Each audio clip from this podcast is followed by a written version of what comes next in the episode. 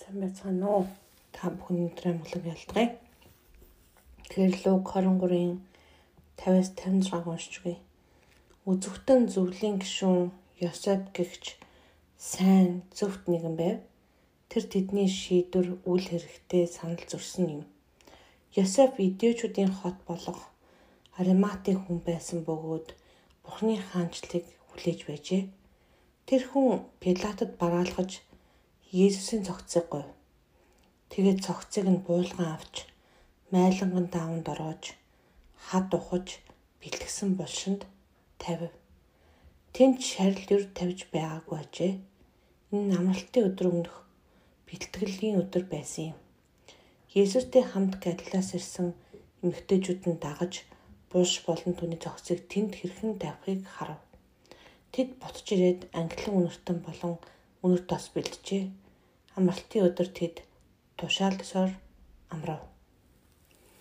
Тэгэхээр зөвлийн гişүү ясаар тэр хүмүүстэй санал нэгдэхгүй байна гэдэг бол амархан зүйл биш. Үн хадлууч бараг хэрэгтэн болж тарах аюултай байсан гэсэн үг.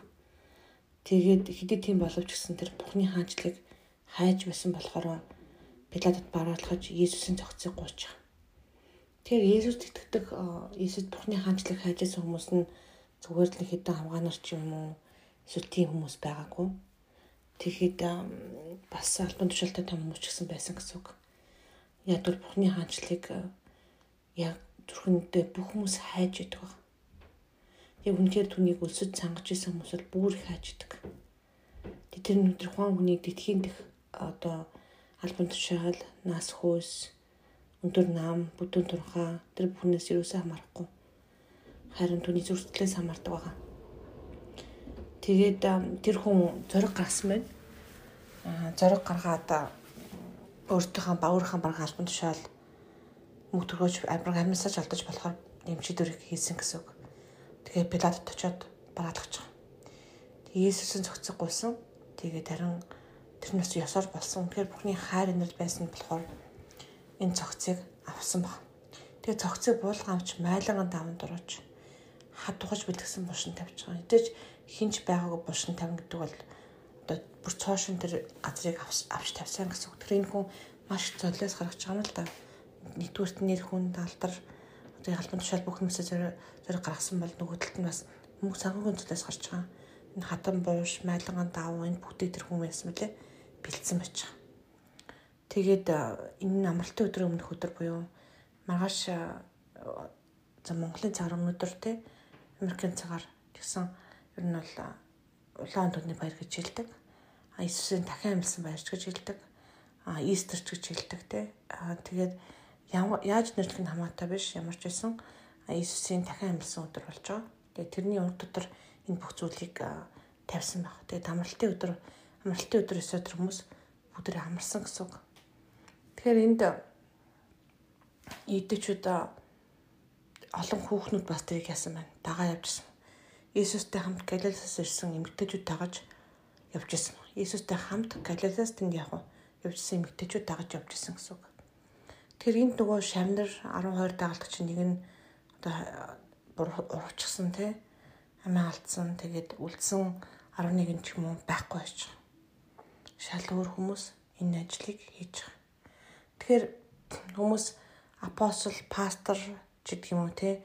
А христийн бие дүүчилж байгаа урд гарч ирж байгаа хүмүүсийг ярьдаг боловч яг энэ ард үйлчлдэг тэр эмгтээчүүд өөртөөхөө золиосыг гаргаж байгаа тэр улс төрийн ажилтан те? Улс төрийн хүншд ясад энэ хүмүүсийг тэр болгон ярьдаггүй гэтэл христийн бие гэдэг бол бүгд нийлж христийн бие болдог.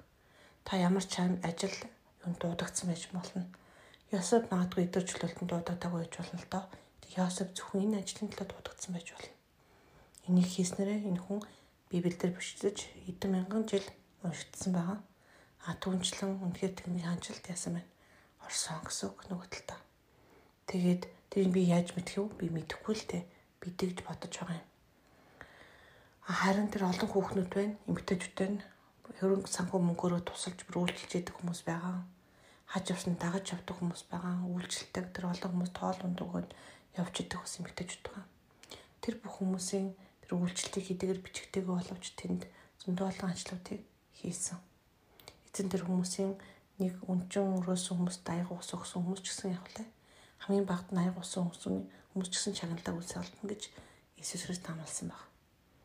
Тэгэхээр өнөөдөр та бүхэн аа би одоо тайзны урд гарч бурханд үйлчилж байгаа гэсэн гэж бити бодороо.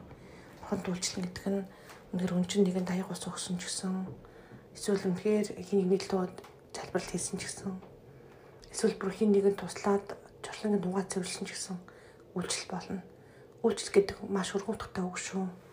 Та өнөхөр магадгүй бизнесээ мөртлөө би үйлчлэг үйлчилж магадгүй үгүй. Та би олон хүнийг ажилтай болгож харин ч таны хаанчл, Бурхны хаанчлыг тэрхэд та үйлчилж байгаа үлээ санхүү мөнгөөр. Тэгэхээр үйлчлэл гэдэг талбар өргөн царвалтай талбар шүү.